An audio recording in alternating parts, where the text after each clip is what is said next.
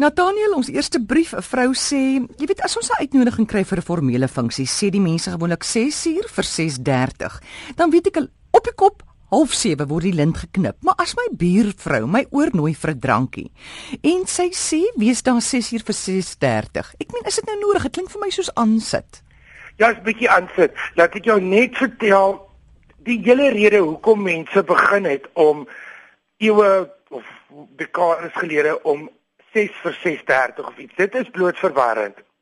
Maar daar is baie keer mense wat niks gewoond is. Sien, ek kom by funksies aan waar ek optree. Ek kom 3 ure voor die gaste opdag daar aan om 'n klanktoets te doen of iets. Dan staan daar al mense op 'n stoep rond of sit die parkeer. Dit verstom my.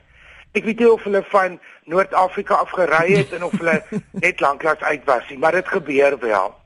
Wat dit sê is sien nou maar dis 6 vir 6:30. 6 uur beteken dit ons gaan jou nie help nie. Jy gaan nie 'n drankie kry.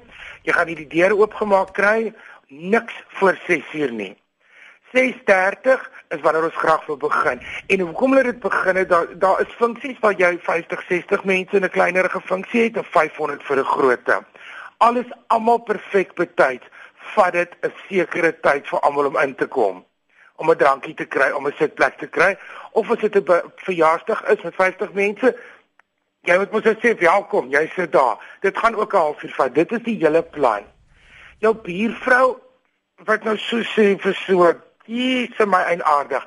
Ek het dit nog nooit in my lewe gedoen nie. Nie eens met 'n formele geleentheid nie. As my ding begin 7 uur, dan moet jy 7 uur kom. Dit beteken ek is dan 'n kwartier voor die tyd en 'n kwartier na die tyd in my kop besig met mense ontvang. Maar jy kan nie halfuur voor die tyd daar wees nie, is jy nou laf. En jy kan ook nie halfuur laat kom nie en nou gaan 30 van my vriende jou bel en vertel hulle laat kom. Ek baie dinge aan. Maar ek kom laat aan met die hoop dat die ete halfpad klaar sal eet ek net minder. Dis my gewag. Maar dit is dit is aansit. Ek weet nie wat dit beteken nie. As my buurvrou vir my nooi, maar ek gaan nou nou daar beklei want daar ontblaf. Maar mm. as my gaan my nie nooi nie. Maar as my buurman nou sê sy vir 6:30 sal ek op die sekonde van 6:30 daar aankom om vir te wys ek verstaan wat gaan aan. Partykeer is dit seker net maar mense is opgewonde en baie mense die buurvrou kom dalk van die werk af en moet eers bad of haar in 'n rigting inkam en jy het al voorheen gewys dat jy 'n bietjie te mekaar is maar maar oor die algemeen is dit nonsens om vir een mens te sê kom om vir 'n drankie vir en gee tyd. Jy sê so laat en dan gee 'n kwartier voor en 'n kwartier na die tyd grasie. Is daar iets soos 'n koninklike 15 minute wat jy mag laat wees? Natuurlik. Ons bly in die derde wêreld. Daar's roadblocks. Jy moet deur die bosse jaag om e-taal te vermy. Jy het traffic. Daar's 'n pop wheel.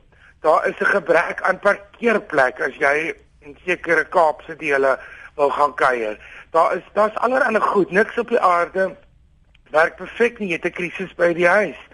So jy jy mag beslis 10 of 15 minute laat kom. Ek was nog nooit in my lewe by iets wat op die punt en deesdae ons begin elke vertoning nou al 5 tot 10 minute laat as reël terwyl um, mense voorstel is 90 95% en ek dank die engele vir daai genade van mense is nog betyds, maar daar is altyd krisisse en so. Ek laat nie mense toe wat 'n kwartier tot 'n halfuur laat. Ek staan baie keer op die verhoog dan sluip hier 3 met koplampe en 'n flits in net voordat ek sê baie dankie lekker aand en afstap. Ek weet nie waar hulle was, wat gebeur het nie, daar is seker 'n krisis. Maar dit noem ons 'n ongeluk. Jy draai maar om en jy probeer weer op 'n ander aan. Goed. Ek dink daai 15 minute laat, jy kan vergewe word daarvoor tensy jy ek dink laat weet met jou selfoon, hoorie. Ek gaan 'n paar minute laat wees. Ja, ja, ja, ek dink so maar dis daar is dit so en ek is genadig is almal nie gelyk op my afstorm nie. Ek wil vir elkeen bietjie moeite doen en sê Ja. Oh, daar nie doos vir en daar is die chef en daar is die chef. Jy weet dit so maar ek meen ons en dit is 'n sosiale geleentheid as mense nog die ongelooflike hoeveelheid spanning toe. Daar is grasie in alle rigtinge tot op 'n punt. Ja. Lina wil weet mag 'n dame iemand groet met 'n handskoen aan? Of soos sy sê 'n gehandskoende hand? In die oorlogsjare kon 'n jong man sy handskoen by sy verloofde agtergelaat het as hy na die slagveld gaan en dan mag sy met die handskoen trou. Maar nie oorlog jare kon hulle baie goedjies doen. wat ons wil van vergeet. Maar um handskoen is 'n is 'n krisis. Ons woon nie in Europa waar ons elke dag handskoene dra vir 6 maande van die jaar weens dit wat nie selfs daar sal jy iemand groet in die pad met die handskoen aan binnekant in die huis sal jy die handskoen uithaal.